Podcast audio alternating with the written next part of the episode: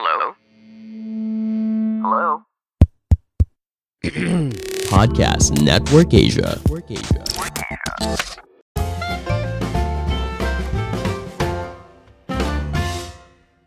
Halo semuanya, kembali lagi bersama saya Madianto. Kali ini kita akan membahas tentang skill yang perlu diasah agar kamu bisa hidup hemat. Hemat bukan sekedar tidak menghambur-hamburkan uang, bukan juga hanya tentang menahan keinginan membelanjakan harta. Tapi hemat berarti bisa tetap hidup sesuai dengan kebutuhan tanpa merugikan diri sendiri. Banyak yang bisa dilakukan untuk menerapkan gaya hidup hemat, mulai dari menabung sampai menahan diri. Tapi ternyata menjadi hemat pun membutuhkan skill yang perlu diasah. Berikut 5 skill yang perlu dipelajari dan diasah dalam diri agar bisa menerapkan gaya hidup hemat.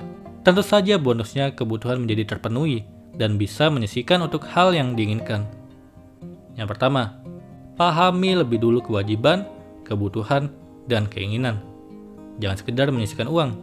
Siapa pun yang bekerja dan menghasilkan uang tetap boleh menggunakannya sesuai dengan kewajiban, kebutuhan, maupun keinginan. Tapi apa sudah paham? Apa itu kewajiban, kebutuhan, dan keinginan? Kewajiban adalah segala hal yang harus dipenuhi agar kehidupan dapat berjalan. Uang sekolah, cicilan rumah, dan kendaraan, pajak, dan lainnya. Kebutuhan adalah hal yang harus dipenuhi agar kehidupan bisa berjalan, tapi sifatnya bisa diganti atau dihemat. Contohnya, belanja kebutuhan dapur atau makan, listrik, internet, air, makanan, dan lainnya. Lalu keinginan adalah suatu hal yang bisa diganti atau ditunda. Sekalipun tidak terpenuhi, kehidupan tetap bisa berjalan. Contohnya, self-reward, check out barang di oil shop, jalan, liburan. Cobalah lebih dulu menulis apa kewajiban, kebutuhan, dan keinginan diri kita. Setelah itu, susun langkah apa saja yang harus dilakukan untuk memenuhinya. Kedua, tulis setiap kebutuhan berdasarkan kemampuan. Kebutuhan memang harus dipenuhi, tapi tetap bisa disesuaikan dengan kemampuan diri. Misalnya, disesuaikan dengan pemasukan seperti gaji. Kalau gaji di setiap bulannya sama, maka buatlah susunan kebutuhan dan dana yang dibutuhkan untuk memenuhinya. Setelah itu koreksi lagi, apakah tetap bisa berhemat dengan kemampuan yang dimiliki dalam memenuhi kebutuhannya. Kalau tidak, cobalah cari alternatif lain untuk mengganti dan memenuhi kebutuhan tersebut yang telah disesuaikan dengan kemampuanmu. Ketiga, penuhi sesuai prioritasnya.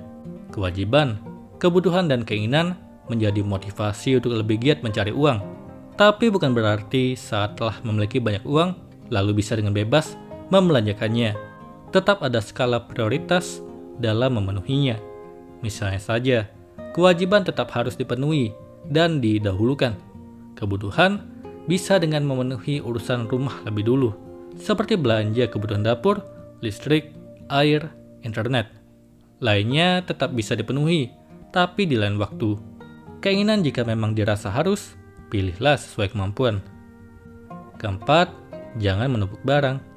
Salah satu cara agar lebih berhemat adalah mengatur lagi barang yang dimiliki.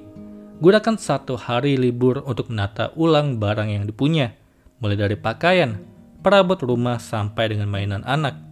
Lihatlah berapa banyak yang dimiliki dan ternyata semuanya masih bisa berfungsi dengan baik. Simpan barang yang masih bagus dan terpakai, sisihkan yang dirasa tidak lagi atau jarang digunakan. Barang tersebut bisa diberikan kepada yang lebih membutuhkan. Tulis apa saja yang perlu dibeli, karena sudah rusak dan tidak lagi dapat digunakan. Belajarlah membeli barang yang benar-benar dibutuhkan dan akan digunakan. Kelima, ciptakan gaya hidupmu sendiri. Berhemat bukan berarti harus keras dan menyiksa diri, tetapi ada waktu untuk berbelanja dan membeli barang yang disuka. Tapi tetap dengan skala prioritas kebutuhan.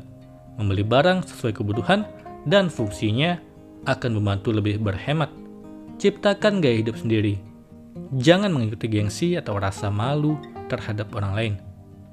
Berhemat pun akan membantu menjadi kreatif, memanfaatkan barang yang ada, ditambah sedikit sentuhan kreativitas, maka barangmu pun akan terlihat baru dan lebih bernilai. Semoga ini bermanfaat. Sekian dan terima kasih. Pandangan dan opini yang disampaikan oleh kreator podcast, host, dan tamu tidak mencerminkan kebijakan resmi dan bagian dari podcast Network Asia. Setiap konten yang disampaikan mereka di dalam podcast adalah opini mereka sendiri dan tidak bermaksud untuk merugikan agama, grup etnik, perkumpulan, organisasi, perusahaan, perorangan, atau siapa pun dan apa pun.